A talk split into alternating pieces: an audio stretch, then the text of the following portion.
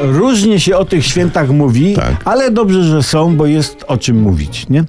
Mimo różnych artykułów po internetach, że modnie jest teraz uciec przed rodziną na Kubę, jakieś Maledywy, czy, czy gdzieś tam, bo rodzina tam wypytuje, a kiedy się ożenisz, a kiedy będziecie mieli dziecko, a po co wam tyle dzieci?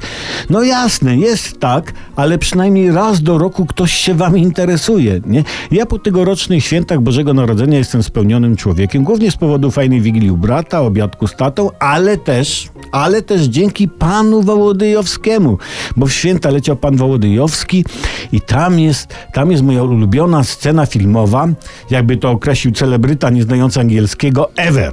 Nie? Ta ewerowa scena to jest jak pan Wołodyjowski znosi luźną kupę na dzikich polach. Razem, razem z panem Melechowiczem i całą chorągwią. To jest duża jazda. To nie to, co myślisz, Skowron. Nie. Oni, oni tatarską kupę znoszą, bo wtedy tatarskie zbrojne kupy najeżdżały Polskę i brały w niewolę mężczyzn oraz niewiasty. I pan Sobieski właśnie kazał Włodyjowskiemu dusić te, te luźne kupy. I na filmie właśnie grupka naszych pojawia się na wzgórzu. Kupa turecka ich widzi, czy ta tatarska i se mówi, e, mało ich jedziemy.